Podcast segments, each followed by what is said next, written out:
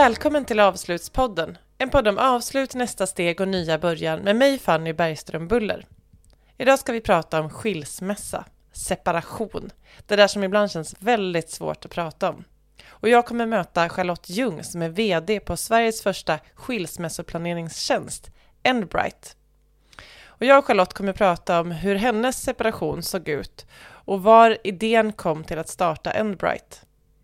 Vi kommer också prata om tvåsamhetsnormen och hur samhället skulle kunna bli bättre på att stötta familjer som genomlever en skilsmässa, när det faktiskt är ett faktum att många människor inte lever ihop ett helt liv.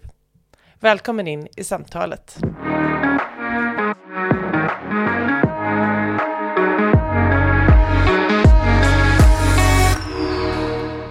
Välkommen Charlotte Ljung, eh, grundare och vd av skilsmässotjänsten Endbright. Välkommen till Avslutspodden. Tusen tack Fanny, hej hej! Hej! Jag är jätteglad att ha dig med. Det här känns som ett eh, spännande samtal eh, som jag tror många går liksom och eh, kanske frågor som många har i huvudet just nu. Kan du berätta lite mer om, om dig Charlotte? Eh, man blir ju nyfiken direkt när man hör att du är grundare av en skilsmässotjänst. ja, och det var väl kanske inte det jag hade trott att jag skulle bli när man var liten och fick frågan vad ska du bli när du blir stor? Eh, men livet är ju eh, fascinerande och fantastiskt så att det är ju eh, i mångt och mycket mina livserfarenheter som har lett mig in på den här vägen. Jag kommer från en helt annan eh, bakgrund. Jag kommer är skolad inredningsarkitekt. Jag bodde i USA, i New York i flera år och jobbade som det och jag har drivit en egen byrå i Malmö där jag bor eh, för det. Och sen så har jag varit väldigt engagerad i säng och möbelföretag som heter Dux. Och det var när jag gick in i, och, och befann mig i liksom allt mer ledande positioner som jag då samtidigt fann mig i skilsmässa mycket tenderar ju att hända på en och samma gång. Och då minns jag, det här är ungefär, det är snart 8-10 år sedan. Men då minns jag att jag tyckte att det var väldigt svårt att hitta rätt eh, information och, och liksom guidning när man skiljer sig eller separerar. Och jag tyckte ändå att jag var ganska vettig och förstod att det innebär en hel del juridik och ekonomi och, och att man ska må bra och, och liksom huvudet och, och, kroppen ska hänga med. Så jag hade med mig det här liksom i bakhuvudet. Jag skilde mig och, och ehm, lever idag lyckligt skild. Eh, och, och, eh, men liksom den här tankarna kring det här fanns med mig i bakhuvudet. Så det var först för två, tre år sedan som jag eh, tänkte eller liksom kom till. Jag hade faktiskt en, en, en större förlust eller ett, ett typ av avslut då på tal om den här podden som fick mig lite att eh, nej men nu, nu kör jag, vad har jag att förlora? Jag måste bara testa den här idén som jag har gått och burit på under så lång tid. Och hur såg, jag tänker den tiden när, när du separerade, vilken familjekonstellation levde du i då? Jag levde med min dåvarande man och våra två små barn. Eh, våra barn var väldigt små. De var blott ett, två år gamla. Eh, väldigt tätt eh, också, så det var en väldigt intensiv eh, period. Alltså småbarnstiden eller småbarnsåren är ju förhållandevis eh, tuffa. Och eh, ja, men det, det, det, blev eh, för mycket för oss helt enkelt. Varpå vi eh, gick skilda vägar jag minns och, och, kan även idag ibland stundom, men där och då så kändes ju det som en väldigt stor sorg och en, en förlust och, och lite av ett misslyckande. Inte minst när man har två pass så små barn. Eh, ja, men jag kände att jag hade misslyckats i den här fina bilden som finns av hur en familj ska se ut. Så den kämpade jag mycket med. Var det mycket, jag tänker det, separationer kan se väldigt olika ut. Hur var det i ditt fall? Var det mycket känslomässigt trassel eller var ni båda väldigt sådär på det klara med vart ni var på väg? Ja, det var en hel del känslomässigt eh, trassel, det var det. Och vi var på lite olika ställen och, och, och, tänkte och tyckte nog lite olika om det. Jag var den som var mer så drivande för den här förändringen. Och, eh, och det är nog också sånt man, man liksom lärde sig eller såg då men kanske ännu mer eh, när tiden har gått lite. Just att man kan vara eller är på olika ställen i sin sorg eller i sin, sina känslolägen när det gäller en skilsmässa eller en separation. Mm. Om när du möter människor idag, om du skulle möta någon, inte genom liksom ditt jobb utan mer sådär som, som står inför en separation, vad skulle du säga då? vad, vad är liksom det viktigaste att tänka på? Ja, alltså det, och det här är så, när jag väl började sätta mig in i skilsmässa och separation så, så ser man ju, vi vet ju då att det är väldigt många som skiljer sig eller separerar. Det är nästan mm. 250 000 individer som går igenom en separation och skilsmässa i Sverige idag. Men man känner sig så väldigt ensam och man eh, jag vet inte, och det kan ju delvis kanske vara vår kultur, men man vill inte belasta andra människor med sin sorg eller sin, liksom, sina känslor eller sitt ältande som man också stundom behöver gå igenom. Så jag, jag minns att jag kände mig stundom ganska så ensam och det är nog det jag kan känna eller att det jag kan ge till andra människor som jag träffar i samma situation idag, det är just att um, men där finns någon underliggande sån här förståelse för att jag förstår vad du går igenom för att jag har gått igenom samma sak själv. Ibland räcker det att man tittar på varandra eller det kan vara ett, ett litet skämt eller en liten glimt i ögat bara. Men just det här att man känner att man inte är ensam i det. Det är nog alltid, jag tror vi tycker det är skönt som människor får känna att det finns andra som har gått igenom samma sak. Det kommer man rätt långt på. Mm. Och ni ger ju också ut på Enbright en rapport. Och jag tänkte, jag läste den rapporten och då tänkte jag på sådär, ja men som eh, i den situationen som, som du befann dig i när du separerade. Eh, så eh, så, och så var du liksom också i, mitt i karriären och med små barn. Och idag så finns det ju inte möjlighet att bli liksom sjukskriven på grund av skilsmässa. Hur klarade du det? Hur hanterade du liksom den kaoset som jag gissar ändå liksom infann sig ja. i allt detta? Ja, det är otroligt påfrestande. Eh, det är för, för de flesta människor så är en skilsmässa eller separation ett jättestort skeende i livet. Det är en, en livskris. Jag tror att vi är ganska så dåliga på, eller har varit dåliga på, just i arbetslivet som du är inne på, att vi, har nog, vi underskattar nog effekterna eller påverkan av en skilsmässa eller en, en, en separation. Därför att det, det berör oss så i grunden. Det berör oss mentalt, det berör oss fysiskt, det berör vår vår prestationsförmåga. Nej, det var fy för alltså. Det, jag bara kan tänka tillbaka på den tiden och bara känna mig trött när jag tänker på det. Och, och äh, ja, för min egen del så, så blev det människor agerar olika eller har olika sätt att liksom hantera tuffa situationer som det här. Jag dök jättemycket in i mitt jobb. Jag tenderar att när de liksom, stunder jag har haft i livet som har varit väldigt, väldigt tuffa, då tenderar jag att hitta, liksom, ja men jag flyr nästan in i, i mitt arbete. Det har varit liksom en bra escape. Man blir, man blir sjukt bra på sitt jobb. Så det är väl en god så här, bieffekt. Men det är ju inte sunt heller kanske att liksom så till den milda grad göra det som jag själv vet att jag gjorde. Så att, eh, och det, det, är klart att, att det finns ju en, en, koppling i, alltså just att vi försöker lyfta i rapporten det här med sjukskrivning och välmående. Jag tror att arbetsgivare och företag idag blir mycket bättre på att se det. Man ser att, att ta hand om, om varandras, vårt välmående, våra medarbetares välmående. Det är ju en mycket, mycket större del av vår sociala hållbarhet idag och inte minst liksom inom eh, CSR-arbete och ett HR-arbete som man har ute på eh, på företag. Så att, men visst, jag var väl kanske på ett sätt en tacksam figur eftersom jag bara gick rakt in i mitt jobb. Men som sagt, alla agerar olika i de situationerna. Ibland i livskriser kan man ju uppleva sådär att eh, men folk pratar om vad har du i matlådan och eh, vad ska du göra på semestern och själv känner man bara så här, det handlar om liv och död. ja, verkligen. Ja men gud, man tänker så här på, men gud, de här bussarna går liksom. I could care less, typ. Förstår inte människor väl liksom att jag sitter mitt i en jordbävning. Och det är klart, det, det, det är också så vi, eh, vi fungerar. Ibland kan det kanske vara en, en trygghet i att världen utanför fortsätter ticka på. Um, för ibland kan man liksom vilja hoppa på de uh, strukturerna. Uh, men samtidigt så måste man också förlåta det, alltså tillåta att det är Eh, det är nog en av de tuffaste grejerna som, som det har varit för mig. Jag, jag, tycker om att ha koll på läget och jag har en viss dos av liksom kontrollbehov i mig. Eh, men just att liksom släppa och kanske låta ge sig hän lite till den här eh, jordbävningen som man kanske befinner sig i. Ibland måste det bara få komma ut och sen så kanske några timmar senare så, så lägger det sig. Eller att få gråta eller att få skrika eller att ja, vi, vi är människor. Det är, det är reaktioner som någonstans finns och, och måste få ta plats.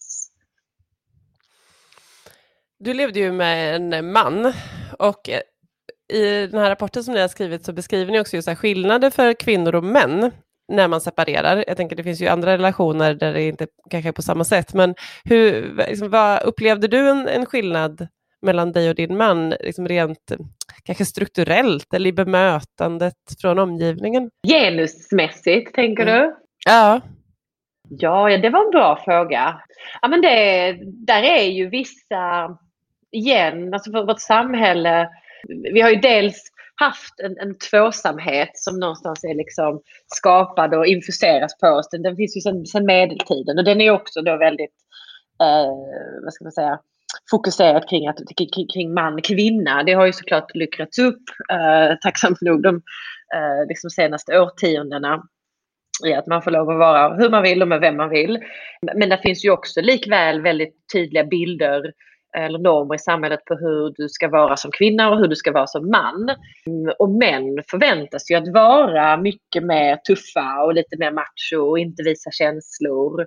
Och då liksom är de synonyma med att de är svagare och, och liksom, man får inte vara sappy som eh, man så att säga. Så att jag tror definitivt att de eh, bitarna kan ha, eh, kan ha spelat in och även liksom kulturella eh, bitar som, som liksom finns eh, i vår värld också. Och det är nog någonting som jag tror att eh, många fortfarande kämpar med. Inte minst, jag kan ju se i Endbright också, vi har ju en, en um, manlig skara av medlemmar. Vi har fler kvinnor men, men en allt ökande liksom, eh, del män som, som är medlemmar som söker hjälp hos, hos oss. Och de kämpar ju just med den här bilden av att man inte får lov att vara ledsen så som man kanske vill vara ledsen. Vad tycker du om tvåsamhetsnormen? Jag tänker du kom in lite på det, att det har ju varit norm så länge. ja, jag är så fascinerad över det. Det är såklart för att jag, jag lever ju och andas de här frågorna eh, på daglig basis. Men, men, men jag har ju då också i min egen erfarenhet så har jag ju någonstans liksom utkämpat ett slag och hyser någon sorts hatkärlek till den här tvåsamhetsnormen. Ja, vi är människor och jag, jag tror att vi, vi, vi drivs av att vara i relationer. Eh, jag drivs av att få få, liksom, att träffa någon och att kunna ha en tvåsamhet med en man. Jag tycker att det är något av det mest liksom, fantastiska och härliga som finns. Men det är också en, en krass realitet att relationer tar slut och att vi, vi gör slut eller det tar slut på, av olika sätt eller av olika anledningar. Eh, var på den här tvåsamhetsnormen den håller ju på att luckras upp. Alltså vi befinner oss i någon sorts paradigmskifte idag i att mycket grundat i kvinnors roll, alltså på tal om det här med, med genus, i att kvinnor behöver idag Eh, på samma sätt inte gifta sig eller vara i den här tvåsamheten därför att kvinnor är akademiskt eh, skolade och då har man möjlighet till en karriär och således så har du en ekonomisk frihet. Tidigare de här tvåsamhet, ibland liksom allianserna som var, de är ju skapade just av kultur eller religion eller ekonomi, finansiella band eller länder eller liksom nationer som ska hänga ihop och du ska säkra upp liksom eh, för framtiden. De bitarna behövs ju inte på samma vis idag. Vi ser att många länder, vi såg nu i, i veckan så eh, Kina har ju då aviserat att man ska gå ut och ge en, eh, en kurs i kärlek och äktenskap. Påven som, som talade till sin eh, befolkning för någon vecka sedan därför att eh, de här länderna kämpar ju med en krympande demografi, alltså det föds färre barn. Och det är ju just därför att kvinnor väljer andra vägar idag. Så att jag är ju djupt fascinerad av den här bilden.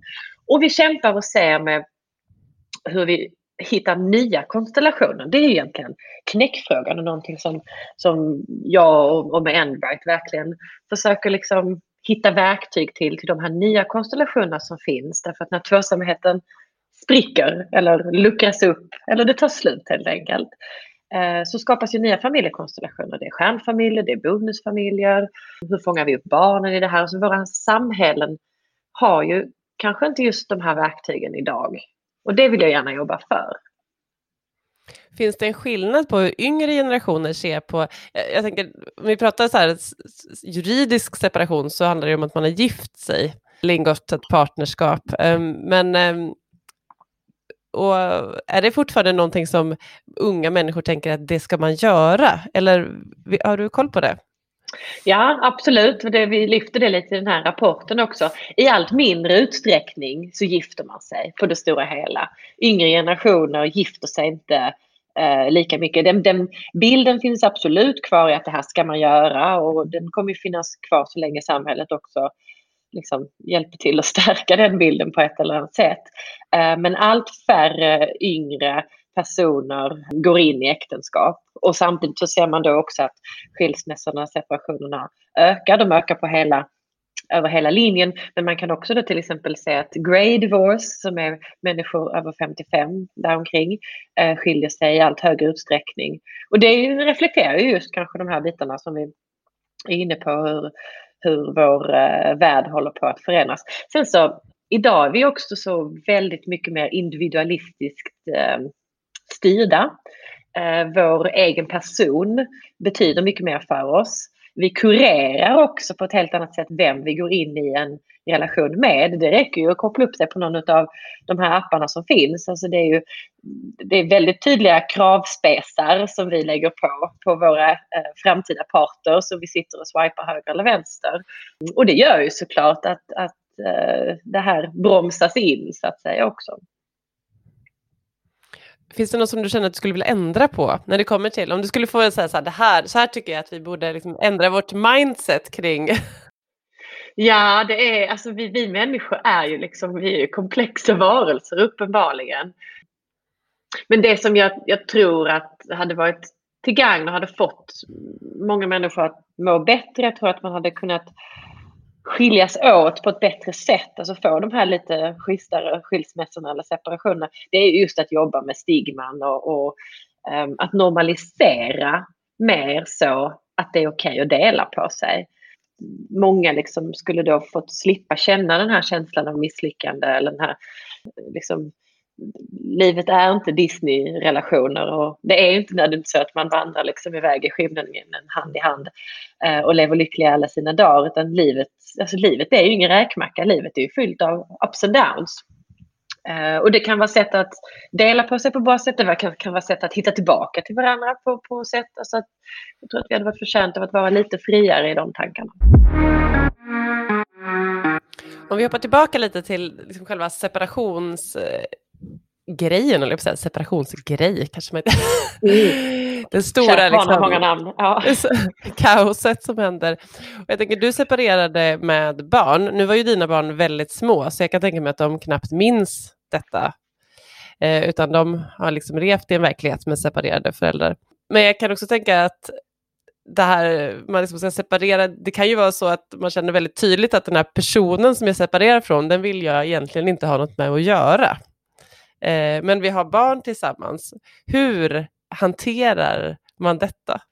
Ja, det är ju, ja, ja, det är ju en jätteutmaning. Det är en av de vanligaste bitarna som vi hanterar till dagligdags på Enbart också. Det är just när du går ur en romantisk eller en kärleksgrundad liksom, relation in i en föräldrarelation.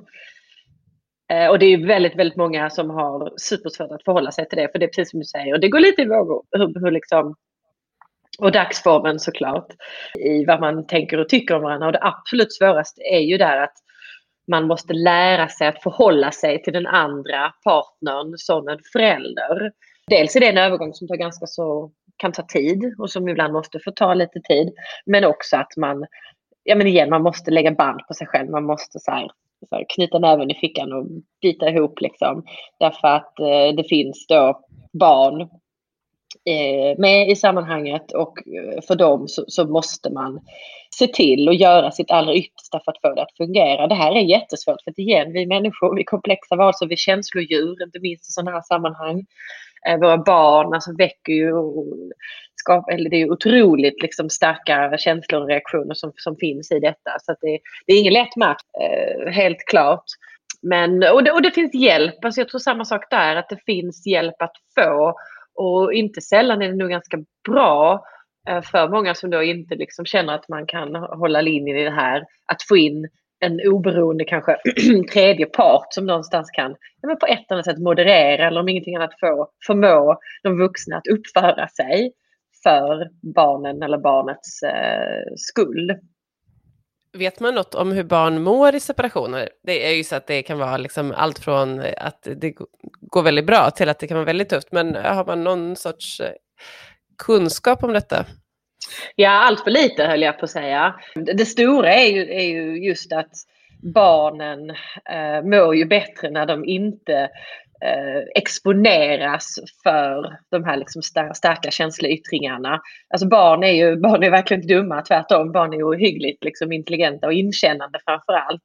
Eh, och har en väldigt stark förmåga att liksom, känna in när saker och ting inte stämmer. Således så är det ju ofta och det här är ju någonting som, som man vanligt liksom uttrycker i att det är ju bättre att dela på sig och, och liksom leva åtskilt. Eh, och det har visat sig, det finns undersökningar på att barn mår ju bättre att då exempelvis bo växelvis eller eh, leva uppdelat mellan sina föräldrar därför att då exponeras de inte för kanske eh, det andra alternativet, vilket är om man bor tillsammans men liksom har ett helvete ihop rent ut sagt. Det är ju otroligt negativt för barn att behöva att uppleva, uppleva det och det sätter ju bra mycket djupare spår eh, i barn. Så att, men, men igen, det finns allt för lite skulle jag vilja säga. Det är ju, eh, om jag minns rätt så är det ungefär 65 000 barn varje år i Sverige som exponeras för skilsmässa eller separation. Dels handlar det ju då om, i, absolut i främsta rummet om vad de vuxna, de närmaste vuxna, hur de kan hantera det. Men det är också att kunna ge dem verktyg till exempel i skolan där finns inte mycket idag. Det finns inte mycket kunskap som kan kanske förstå eller se och läsa av just hur barn mår. Och sen så, även om kanske det finns så finns det kanske inte resurserna för att kunna hjälpa barn. Barn kan också tycka det är ganska så skönt att ibland ha en helt oberoende, helt annan person eller liksom instans att kunna prata av sig till. Få känna igen, alltså lika mycket som vi var inne på där innan, att man känner sig ensam. Barn, barn upplever ju samma sak också. Eh, och att man ger dem de möjligheterna. Hur eh, har dina barn reflekterat kring att ni, du inte lever ihop med deras pappa? Nu när de är lite större tänker jag. Ja, ja, ja men absolut. Och sen så har de ju en mamma som är min, min dotter kom häromdagen. Mamma när jag blir stor då ska jag bli som du och jag ska, jag ska jobba på Endbright. Säger hon. Och så tänker jag bara wow. Men så tänker jag också att det är helt fantastiskt. Därför att de, de vet, de förstår ju och har ju följt liksom resan med Endbright inte minst de senaste två åren. Nu är de Idag är de 10-11 år. Så att, så att de har ju koll på läget på ett annat sätt.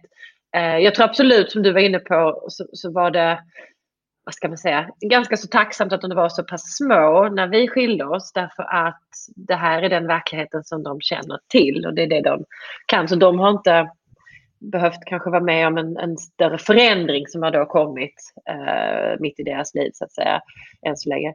Men, och de ser ju också hur vanligt det är i, i skolan och i klassen och eh, när du leker och vem har dem. Alltså det, det, är ju ganska så norm idag också, jag menar på många sätt. Att, eh, det finns skilda föräldrar och sen så finns det de som lever tillsammans eller de som inte lever tillsammans. Det, det, eh, och de lär ju sig, jag menar barn är ju också väldigt adaptiva och, och, och lär sig snabbt att förhålla sig till olika verkligheter.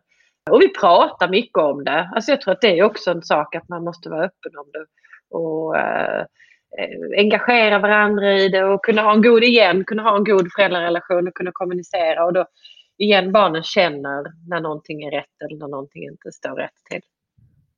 Jag tycker att det är superintressant att eh, personer med bolagsengagemang separerar mer ofta än eh, personer som inte har det. Som, som tidigare entreprenör tänker jag så här, herregud, det här är ju spännande. Va, vad är det som eh, händer? Vet, vet ni det? Hela min styrelse den bara wow när de läste det. Jag tyckte det var jätteunderhållande. Eh, ja, den är superintressant. Ja men gud vad kan den bero på? Ja, man är gift med sitt jobb höll jag på att säga. Jag, vet inte. Det, det, är väl att vara entreprenör eller för bolagsengagemang. Det är klart det finns ett spann där också emellan. Men, men eh, det kan säkert vara att, eh, att man har andra starka engagemang Uh, nu vågar jag inte lägga in någon genus. Jag har någonstans i mitt bakhuvud så det ringer en liten, liten genusklocka också. Jag tror och hoppas att, att den, just den statistiken kanske ser annorlunda ut om 10-20 år när vi har fler kvinnor som har fler bolagsengagemang. Uh, därför att jag tror att, uh, jag tror rent krasst att kvinnor i framtiden och även idag. Vi, vi prioriterar lite annorlunda och historiskt sett så har det inte gjorts det och det har också varit norm för män både i och utanför bolagsengagemang att arbeta på, på andra sätt så att säga än vad det görs idag. Så jag tror definitivt att den spelar in. Men, men just igen att det, det kan nog också vara att man brinner väldigt mycket för det man gör och då kanske man väljer att prioritera annorlunda och kanske inte investera lika mycket i sin relation eller sina relationer. Det känns ju som något som är svårt. Eh, om vi, om vi liksom ja. tittar, tittar, på att faktiskt leva ihop med en annan människa och ha en familj och eh, jobba, så, så känns det som att det är ju någonting som många sliter med. Liksom, hur ska jag ens fördela timmarna? Och ja. man kan vara, kanske har ett jobb där man är jätteinvolverad oavsett bolag eller inte. Och så liksom har man de tankarna med sig hem när man sitter i tv-soffan på kvällen och så, kan man och så, och så vice versa i det här, när man har separerat och, och sitter där med det här liksom kaoset bakom sig och tänker att man vill ha en ny relation någon gång. Hur, hur, hur tar man sig an det? Känns det läskigt när man vet hur svårt det kan vara? Ja, jag tror det är många olika saker som hämmar människor att gå in i nya relationer. Det kan dels liksom vad jag själv kan, kan känna men också vad jag ser i Endbright så, och där kan vara ett visst tidsspann som spelar in. Jag tror att många ganska nära inpå en, en skilsmässa eller en separation kanske är lite kantstötta eller sargade. Och då tror jag att man är försiktig. Man är kanske extra sårbar eh, beroende på hur relationen tog slut eller avslutades. Så, så spelar det också in såklart om man har blivit lämnad eller lämnat. Så då räds man säkert i många fall liksom att, att gå in i någonting nytt. Sen kan det också vara just det här, alltså precis som du är inne på, att vi lever allt mer individualistiskt. Jag tror att har man varit med om en separation eller skilsmässa, jag tror att man kanske prioriterar annorlunda efteråt. Det gör jag definitivt. Alltså, det blir ju dels när du lever som ensam förälder med, med barn, inte minst så, så prioriterar du dina barn. Och, och ehm, alltså igen, vi präglas ju av att vi både har ett behov och vill skapa en viss egen tid. Eh, och det här liksom i viss mån självförverkligandets slöja som ligger över oss i samhället också. Och det ser vi ju lite i siffrorna också, just att igen, man, man hoppar inte in i, i vad som helst, hur som helst. Sen kan man också se att det finns ju skillnad på hur kvinnor och män agerar där också. Eh, kvinnor tar ju längre tid i, i största allmänhet. Kvinnor tar tid på sig och tänker eller kontemplerar mer kring att lämna eller att, att uh, faktiskt ta steget i att avsluta en relation. Såväl som att kvinnor tar längre tid att gå in i en ny relation. Män är ju statistiskt sett då snabbare på bollen. Vad tror du det beror på? ja, naturen höll jag på att säga. I guess. Eh, och det, det, det, är väl igen, vi är ju, vi är ju liksom naturens varelser. Eh, så jag har väl någon sorts liksom, tankar kring att jag tror att sådana bitar eh, eh ligger bakom att liksom, snabbt bygga bo igen och liksom skapa nytt. Och jag tror att det liksom ligger väldigt så grundläggande drivkrafter som vi, som vi har. Men igen, att det kanske också nu luckras upp och många män tillåts då också att gå, få lov att gå ifrån även den här bilden som då finns liksom lite stämplad på, på det manliga släktet. Att de, de får lov att vara lite, bejaka sina kvinnliga sidor lite mer också. Om du tänker att man ska liksom rigga sin relation, sitt giftermål, sitt här, för att faktiskt mm, det kan hända att man inte lever ihop ett helt liv. Vad är, vad är viktigt att tänka på? Ja, det, det är ju, alltså ju mer förberedande, nu fick, nu fick jag, förlåt när du sa det här lever ihop, jag hade en diskussion med min son häromdagen också, han har precis då fått reda på att svanar lever monogamt i hela livet. Eh, och då jämför vi då såklart med människosläktet där vi ser att det inte är på det viset. Det var en liten passus bara, men det slog mig när du sa det här. Sen tror jag inte att svanar då skriver under på äktenskapsförord och andra praktikaliteter, men det handlar ju om att, att vara så förberedande. Så det här låter ju jätte osexigt och oromantiskt. Ehm, men det är väl lite att se på det som, som en annan st stor liksom, eh, engagemang eller en undertaking som man ger sig hän. Ehm, så när man väl då går in i en relation eller ett äktenskap så är det ju att ha förberett och det kan vi ju idag göra juridiskt inte minst. Så kan vi ju förbereda visst material.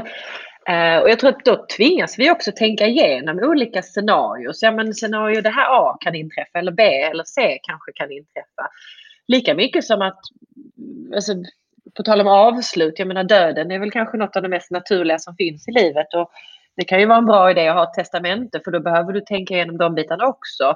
Eh, inte sällan så kommer ju ett testamente jämte kanske ett samboavtal eller ett äktenskapsförord för att man tvingas då eh, sätta sig in i potentiella scenarier som kommer. Sen så, så ser vi mer och mer ehm, just med Enbright att ehm, när man väl har lagt grunden kanske lite mer praktiskt och formellt så, så kan det också skapa en grogrund för vissa samtal.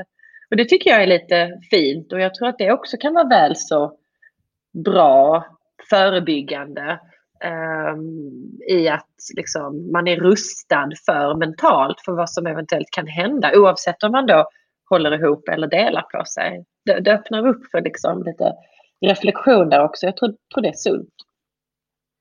Mm, det tror jag absolut. Och jag tror att många gånger så um, att kanske stretcha de här liksom, diskussionerna eller samtalen så att de faktiskt vågar ta upp, för det känns som att vi gärna vi, vi kan prata om det lite grann och, och så uh, duckar vi lite för de här uh, sakerna som känns eh, helt onämnbara i vissa sammanhang. Allt ifrån liksom, som, så, uh, som att någon ska dö eller träffa en annan person eller vad det nu kan vara.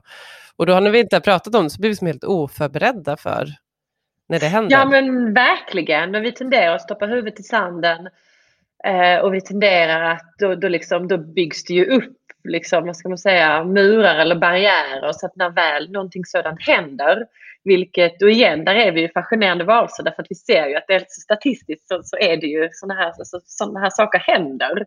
Och då är det ju desto svårare att möta det, precis som du är inne på de personerna som kommer till Endbright eh, och som söker liksom hjälp genom er, genom er tjänst, vilken hjälp behöver man oftast? Vad är liksom det viktigaste? Ja, det hänger ju, saker och ting hänger ju ihop. Men där är ju då dels vissa praktiska och formella saker som, som måste lösas och som måste liksom äh, läggas på plats. Och sen så någonstans så kommer ju det här mentala äh, filtret Eh, in i, i saker och ting också. Men absolut, alltså first things first är ju någonstans oftast juridiska frågor. Och det kan vara då dels att, att upplösa ett äktenskap eller att liksom separera. Eh, och en bodelning är ju i de allra flesta fall Eh, att en bodelning ska till på ett annat sätt. Sen är det ju att man ska flytta. Eh, alltså, igen en väldigt här, praktisk eh, fråga. Finns det barn med i bilden så är det just hur gör man med barnen och det kan vara vårdnadsfrågor och umgänge som sen kan liksom migrera över i underhållsfrågor. Hur ska man klara en ekonomi delas upp i två. Eh, man ska styra upp nya bankkonton och försäkringar och sen så ska vem betala gummistövlarna eller vem liksom tar hand om om tandläkaren och, och de bitarna. Eh, men i detta någonstans underliggande och det, det är någonting som igen förhoppningsvis visar av, av liksom, egna erfarenheter ser att vi har ju till syvende och sist ett redskap som ska kunna ta oss igenom de här bitarna. Och det är ju, alltså, det är vår, vår, vår kropp, alltså vårt, vårt huvud och vår kropp. Jag är det enda verktyget som kan ta mig igenom den här tuffa situationen. Så att vi försöker någonstans fläta in de bitarna. Att man kanske kan få prata med en psykolog eller det kan vara liksom lättare typ av coaching eller pepp. Eh, det kan också vara att liksom kunna ge det till sin, eh, sin, sin, sin omvärld. Det är en, en process, det är en, en sorgeprocess eh, i många fall. Den är inte linjär, precis som man ser att annan typ av sorg inte heller nödvändigtvis är. Ehm, så det gäller liksom ibland att kunna fånga vissa bollar på uppstuds också. I slutet av varje poddsamtal så brukar jag fråga den som jag pratar med om vad du planerar och avsluta under året som kommer. Jag tänker lite som en uppmuntran i att så här, eh, vi behöver avsluta stort och smått i livet för att komma vidare och hitta nya möjligheter. Har du någon sån grej som du kommer att tänka på? Ja, eh, du tänker kanske mer personligen eller ja, det kan ju kanske eh, variera höll jag på att säga. Men det var en bra, det, det är en fin, eh, det tycker jag var fint. Bara, liksom jag, och jag ska jag klura på frågan samtidigt som jag säger det. För det är fint att tänka stort och smått. Att liksom, lika mycket som man avslutar sin dag eller sitt, eh, sitt år också. Nej men det här är dels är det ju ett slutet på det här är ju slutet på ett coronaår. Det andra eh, coronaåret. Så att jag tror att det blir ett väldigt fint och välkomnat avslut för många eh, som vi ser fram emot. Jag tror att vi, eh, och jag också, alltså, tycker det ska bli härligt att springa ut i vida världen igen. Det är både pirrigt och, och kul. Eh, och jag tror att man har väldigt många lärdomar med sig där. Um, går in i någon sorts nytt kapitel. Vi avslutar ett första kapitel och går in i liksom kapitel två, vilket jag tycker också känns fantastiskt och, och gläds oerhört. Jag kan inte förstå liksom att sakerna som jag hade skrivit ner på så här lösa lappar för två, tre år sedan, att nu har jag gjort dem. De, vi har liksom, Enbright, vi och jag och teamet, vi har åstadkommit de bitarna. Så det tycker jag känns eh, fantastiskt kul. Eh, verkligen. Nu står vi faktiskt denna veckan inför skolavslutning. Så det är inte på året, men det känns också så här, för det är så himla kul att se barnen när de liksom, hur taggade de är på det avslutet och nu är det sommarlov och sen så kommer en ny början i nästa termin också. Så den tycker jag är en fin sån här vardagsavslut. Jag hade en eh, samtal med en präst som pratade om söndagen som ett avslut. Många gånger så pratar vi ju om må måndagen som en uppstart, att vi ska liksom vara så igång på måndagar och älska måndagar och sådär. Men, men det var en fin tanke tycker jag också, att här, varje vecka avslutas ja. också med, med söndagen, att det blir liksom ett sätt att lite så här, samla ihop sig.